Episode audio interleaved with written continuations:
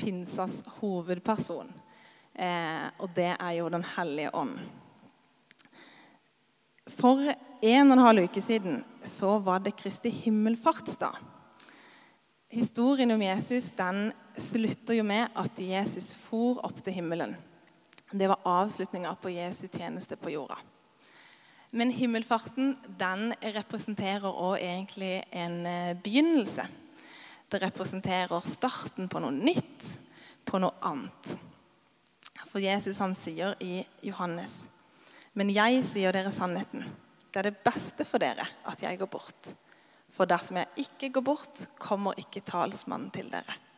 Men går jeg bort, kan jeg sende ham til dere. Så selv hvor bra det var når Jesus var på jorda, så var faktisk det beste at han dro bort, sånn at han kunne sende talsmannen, Den hellige ånd, til oss. Og I Apostlenes gjerninger 2 så kan vi lese om hva som skjedde på pinsedagen. Da pinsedagen kom, var alle samlet på et sted.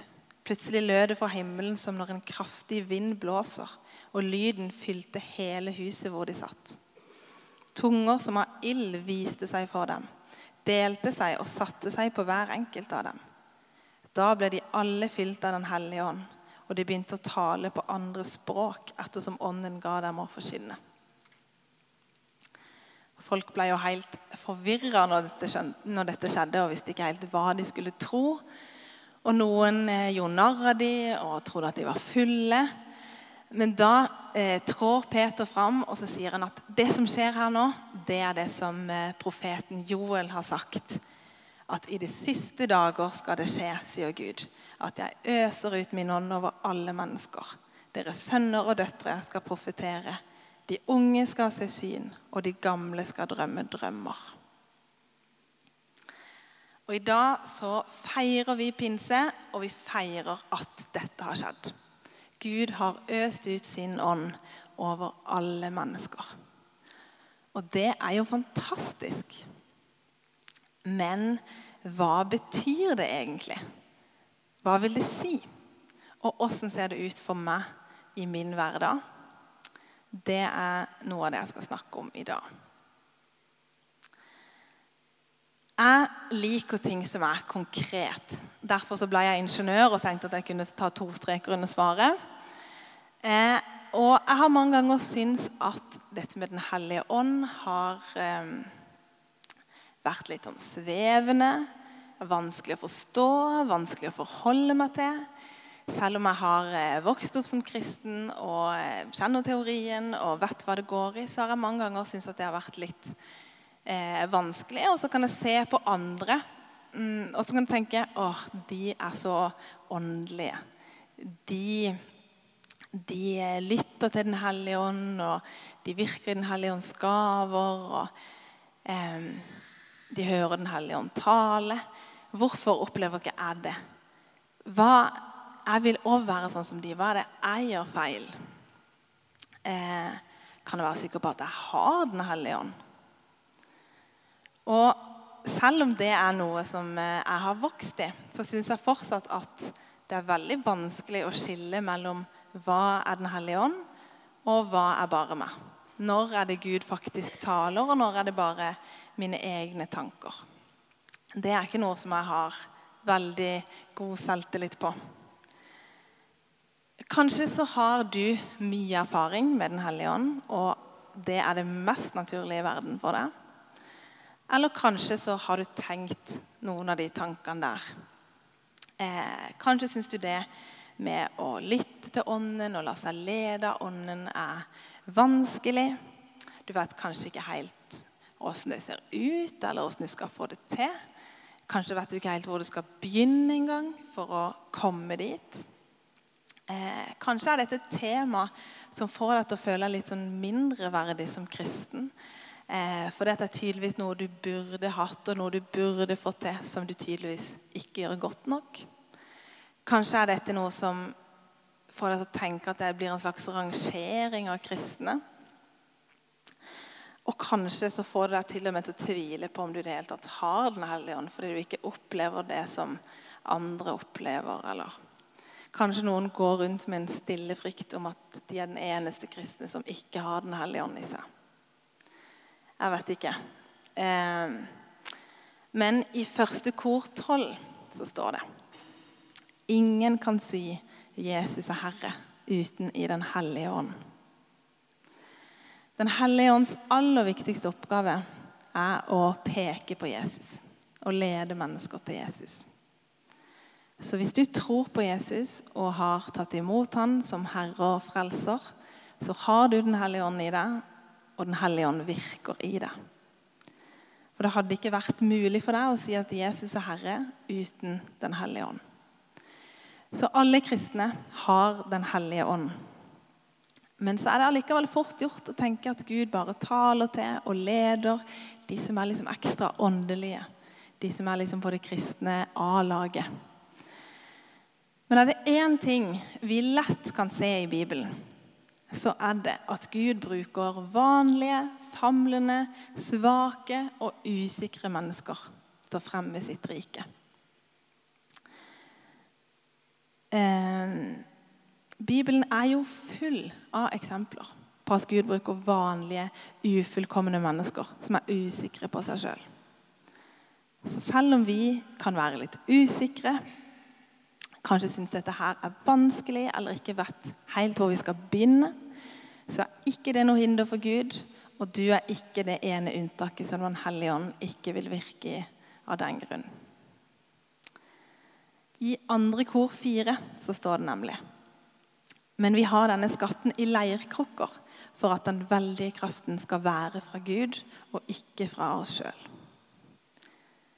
Gud valgte hverdagslige, vanlige, knuselige leirkrukker til å ha sin skatt i.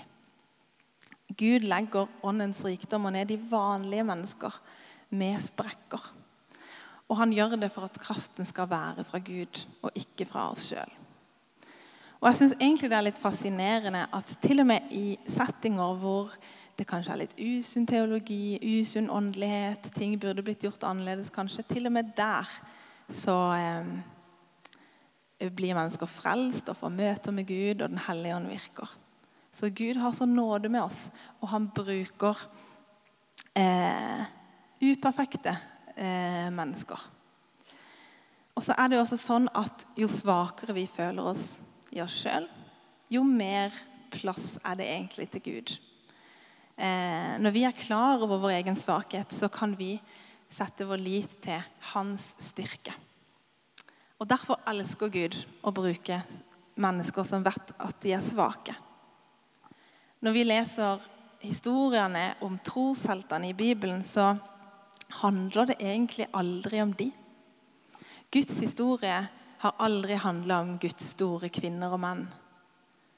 Den har handla om kvinner og menns store Gud.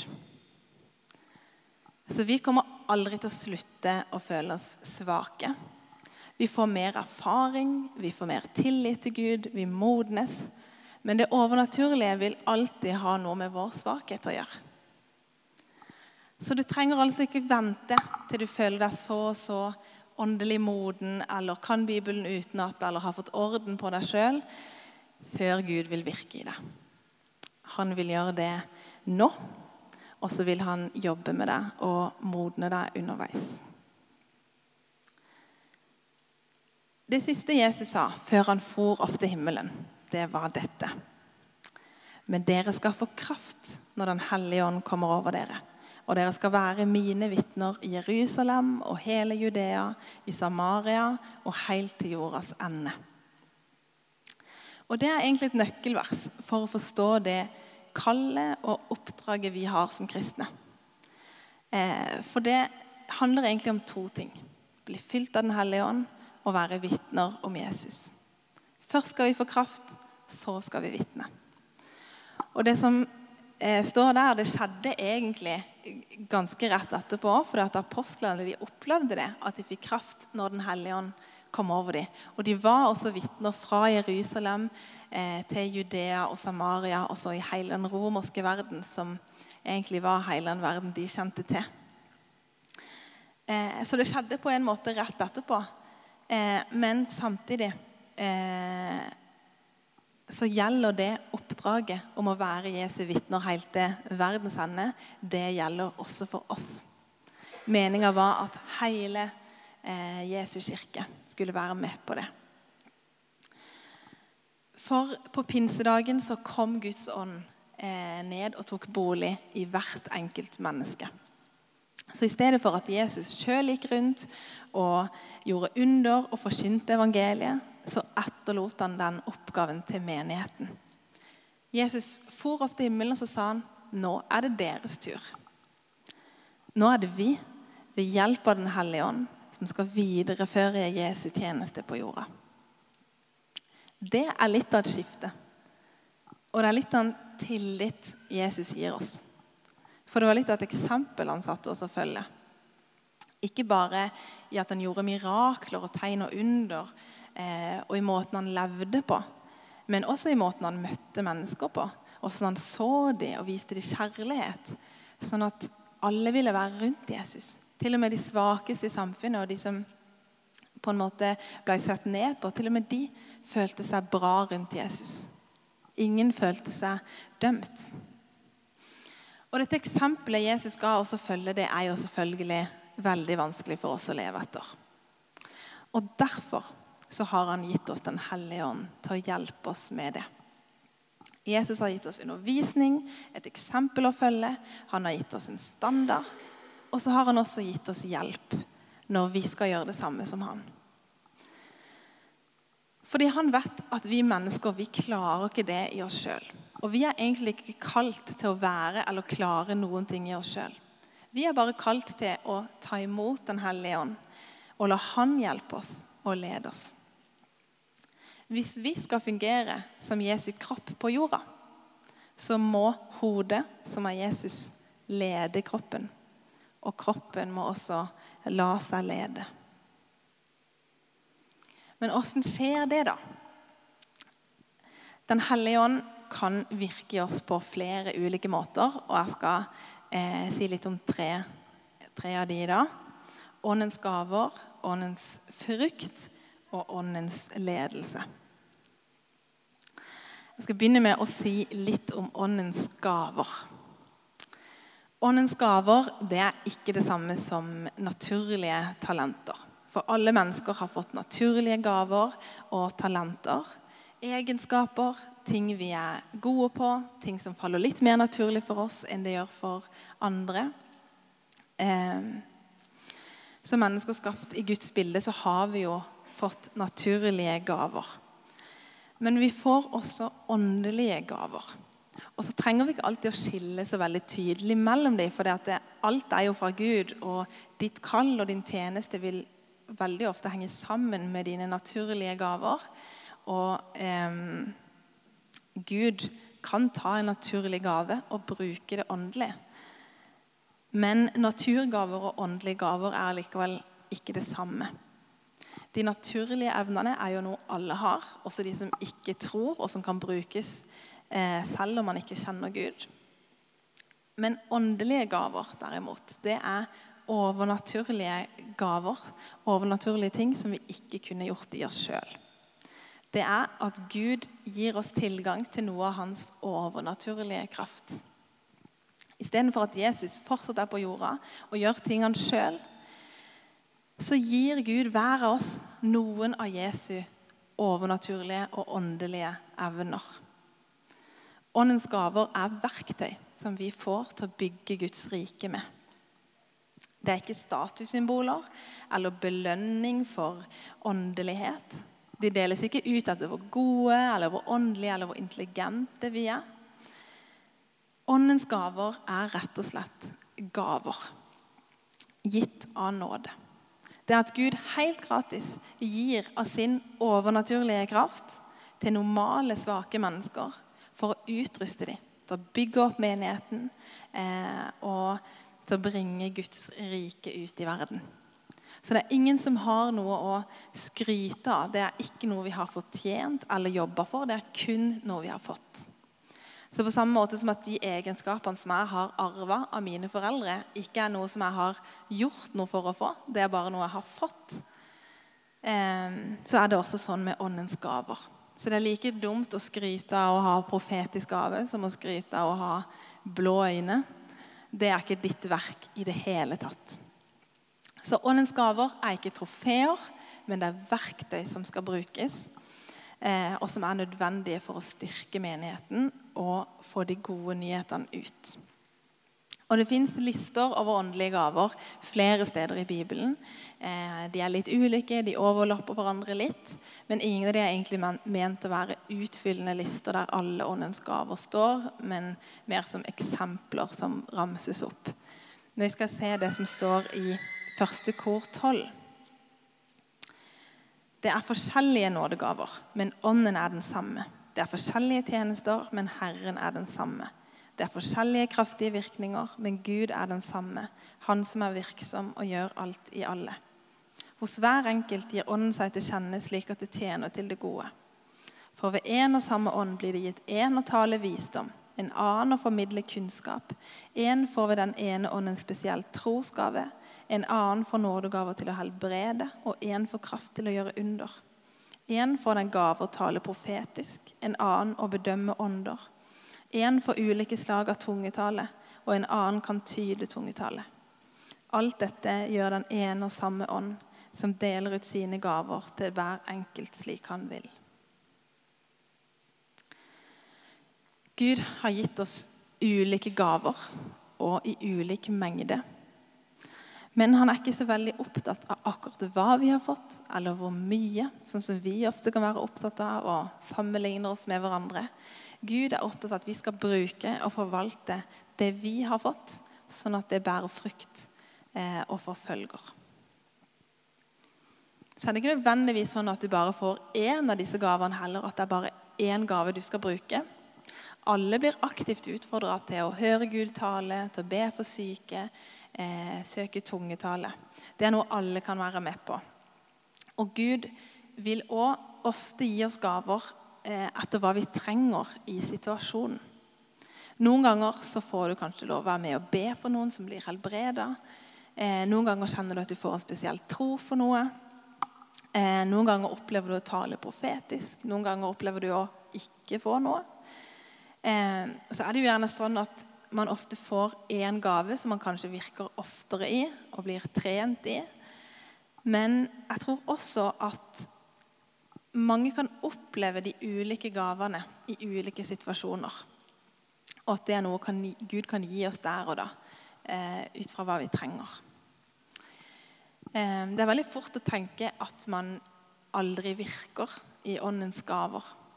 Eh, men hvis man tenker seg om, så er det, tror jeg det er mange som kan eh, se at å ja, det og det skjedde jo faktisk. Eller det har jo faktisk skjedd. Og så kan man se at man faktisk har virka i mange av de ulike gavene på ulike tidspunkt. Så det var det. Den hellige ånd kan også virke i oss eh, gjennom åndens frukt. Åndens frukt det er noe annet enn åndens gaver. For åndens gaver det er noe vi gjør. Det kan brukes like mye av folk som er nye i gamet. Og det handler ikke nødvendigvis om åndelig modenhet. Men åndens frukt, det er noe vi er, og det er et tegn på åndelig modenhet. Eh, det er egenskaper vi i større og større grad vil få eh, jo tettere vi lever på Gud, og jo større plass Den hellige ånd får i oss. I Galaterne 5 så står det men åndens frukt er kjærlighet, glede, fred, overbærenhet, vennlighet, godhet, trofasthet, ydmykhet og selvbeherskelse. Disse egenskapene er en frukt eller en konsekvens av Den hellige ånd i oss. Vi vet at vi blir likere de vi er mye sammen med. Og sånn er det med Den hellige ånd nå. Eh, så man kan kalle åndens frukt for Den hellige ånds påvirkning på oss. Som er konsekvens at man har brukt mye tid sammen. Og Jesus han var full av åndens frukt. Så jo tydeligere åndens frukt er i ditt liv, jo mer ligner du på Jesus, og jo mer vil du kunne vise verden hvem Jesus er, eh, ved livet ditt og ved hvem du er. Så åndens frukt er også en måte som Den hellige ånd virker i oss og bruker oss på. En tredje måte Den hellige ånd virker i oss på, det handler om å lede oss. Og det kan skje på mange forskjellige måter. Den hellige ånd kan lede oss uten at vi nødvendigvis oppfatter at vi blir leda der og da. Eh, han kan lede oss selv om vi ikke hører hans stemme eller er bevisste på hva som skjer. For noen ganger så kan Den hellige ånd lede oss gjennom omstendighetene våre. Selv om ikke alle muligheter vi får, kommer fra Gud, så kan Gud lede oss gjennom muligheter som kommer, dører som åpnes eller lukkes. Plutselig så opplever du at ting bare legger seg til rette for deg for at du skal gå den eller den veien. Eh, eller du opplever at gjerninger bare er lagt ferdig for deg å trø inn i. Eh, og så tror jeg mange, Selv om man kanskje tenker at Gud ikke har ledet så veldig gjennom livet, eller vært bevisste på det, vil også kunne se seg tilbake og se at å ja, der greip Gud faktisk inn. Eller det og det la seg jo faktisk bare til rette. Eh, eller er egentlig glad for at jeg ikke fikk den jobben, for da hadde jeg ikke vært der jeg var i dag. Og Så kan man se at eh, Gud kanskje har leda og lagt ting til rette for deg likevel. Men Den hellige ånd kan også lede oss mye mer direkte. Han kan tale direkte til oss. Det ser vi mange eksempler på, både i Bibelen, opp gjennom kirkehistorien eh, og i dag. Og Den hellige ånd kan tale til oss på mange forskjellige måter, gjennom mange forskjellige kanaler. Det fins ingen oppskrift på hvordan Gud taler til oss, og heller ingen rangering på hva som er den beste måten. For Gud tilpasser seg person og situasjon.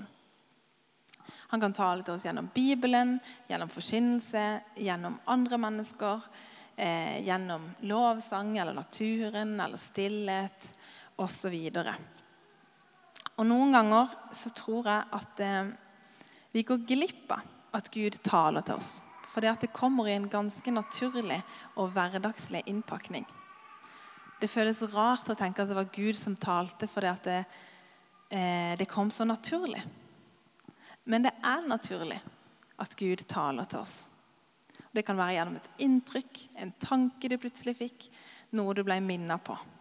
Og det kan skje når som helst, også når du ikke er i en åndelig setting.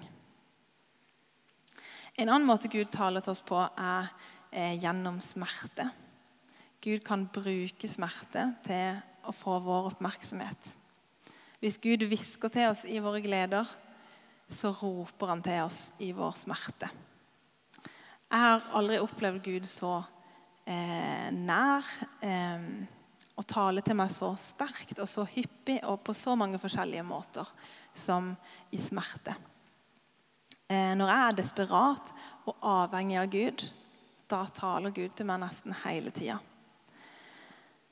Eh, og jeg har en liten sånn bok hvor jeg pleier å skrive opp det jeg opplever at Gud eh, sier, eller andre opplever at Gud sier. Og jeg ser at eh, i de tøffeste tidene da har Gud talt nesten hele tida. Nesten hver dag eller annenhver dag så har jeg skrevet noe i boka. Så Gud kan bruke smerte til å tale til oss. Det fins uendelig mange måter Gud kan tale til oss, og dette er bare noen eksempler. Men det at Gud taler, det er noe naturlig. Det er noe vanlig. Og vi må ikke tenke at det kun skjer med de mest åndelige menneskene i de mest åndelige situasjonene. For Gud taler til alle sine barn. Så vi må få øynene opp for at Gud ønsker å bryte inn i de ordinære tingene vi gjør, med sin ekstraordinære kraft. Å høre Gud tale det er for alle som følger Jesus. Ikke én av to ganger i løpet av livet, men egentlig eh, hver dag. Jesus kalte oss til å være hans kropp på jorda. Og, og så sendte han Den hellige ånd til å hjelpe oss. Og Den hellige ånd kan virke i oss på mange forskjellige måter. Men for at vi faktisk skal fungere som Jesu representanter og vise verden hvem han er, så må også vi la oss lede og ta imot Den hellige ånds hjelp. Vi må være med på dette. Så det handler om å være villig handler om å koble seg på. For Gud trenger villige hjerter. Men åssen gjør vi det, da? Hvordan tar vi imot Den hellige ånds hjelp? Det første viktige punktet der, det er å bruke tid med Gud. Det er oppskriften. Det er katalysatoren. Vi kommer ikke utenom det. Hvis du bruker tid med Gud og lar Gud få rom eh, i livet ditt, så vil du se at eh, disse tingene skjer. Ikke over natta, kanskje gradvis og sakte. Men eh, jo mer tid du gir Gud, jo mer og jo raskere vil du se, se Den hellige ånd virke i livet ditt. Dette er, det er virkelig en viktig nøkkel, og jeg kan egentlig ikke få understreket nok hvor viktig det er. Men jeg tror det er kamp om det. For jeg tror vi har en fiende som vil at du skal gjøre alt annet enn å bruke tid med Gud. Så jeg tror alltid det vil være en slags kamp om det. Om det handler om travelhet eller ork eller lyst. Så vi må velge det. Vi må legge det inn i rutina vår på en måte som passer oss, og så må vi prioritere det hardt. Jeg tror En av de største truslene mot Gud og Hans rikes framgang i det moderne verden, er at vi ikke har tid til Gud. Vi prioriterer alt mulig annet over. Men det er ingen vei utenom det. Vi må skape den tida. Vi må skape oss gode vaner og rutiner. Um, og I begynnelsen vil det kanskje føles tungt og tungt å bære det, men etter hvert så er det de gode vanene som vil bære det. Så vår første respons må være å bruke tid med Gud. Men å være Jesu kropp på jorda det handler heller ikke bare om å høre fra Gud. Det handler også om at når vi hører, så må vi handle. De fleste har kanskje hørt om de fem kjærlighetsspråkene, at alle har et språk hvor man uttrykker og tar imot kjærlighet best. Og jeg tror Gud også har en form for kjærlighetsspråk. Jeg tror han tar imot all kjærlighet han får fra oss. Men jeg tror tid er et viktig kjærlighetsspråk for Gud. Og så tror jeg også Gud har et kjærlighetsspråk som er lydighet. For i 1. Johannes 14 så står det dersom dere elsker meg, holder dere mine bud. Lydighet er en av de beste måtene å uttrykke kjærlighet til Gud på. Det er den ultimate formen for tilbedelse. Å vise Gud lydighet og, og høre det han sier, og gå dit han leder, det er å handle i tillitsfull kjærlighet til han.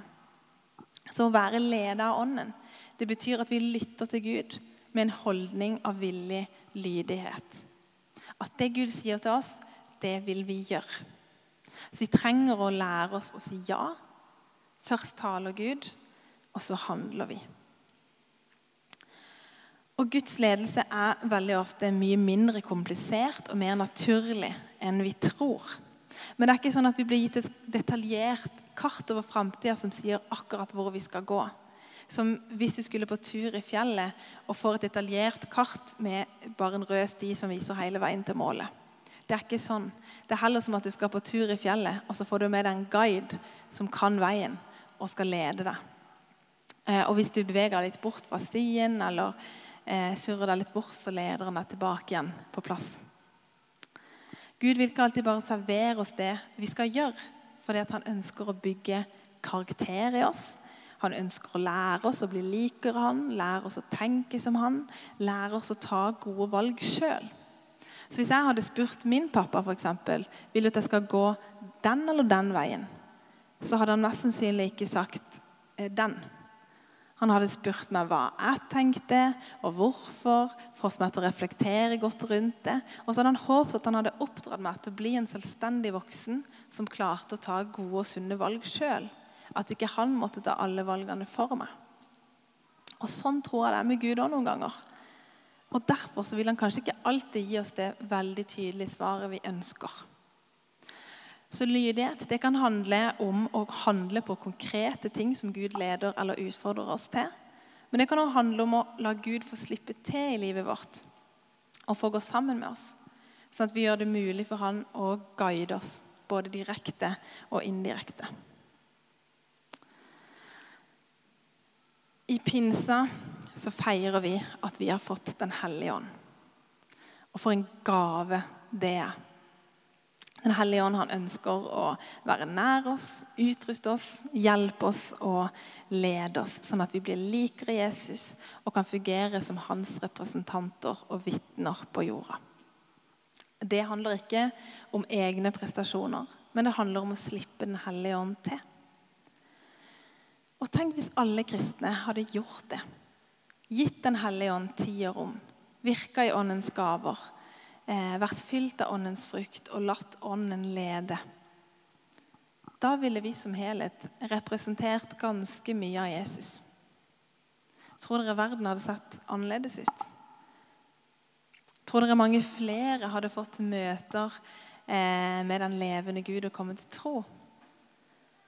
Tror dere vi hadde klart å være vitner til jordas ende på en mye bedre og mer effektiv måte?